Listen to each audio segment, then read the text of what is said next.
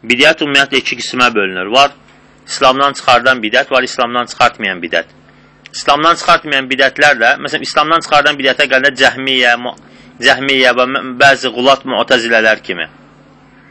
O ki, qaldı ki, e, həmçinin rafizi bidəti kimi. O ki, qaldı ki, e, İslamdan çıxartmayan bidətlərə gəldikdə, bu bidətlər özü də öz aralarında biri-birindən fərqlənir.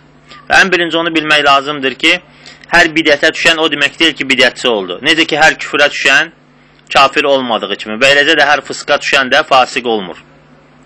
Və hər bir kəs bidətə düşübsə və ona dəvət çatıbsa, iqamət hüccə olubsa, bəyan olubsa və o yenə də öz bidətində qalırsa, ondan sonra artıq bidətçi sayılır.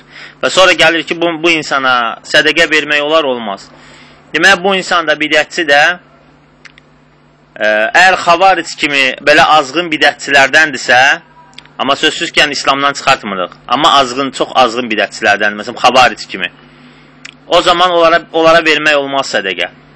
Çünki onlar İslamla və İslam əhli ilə müharibə aparırlar.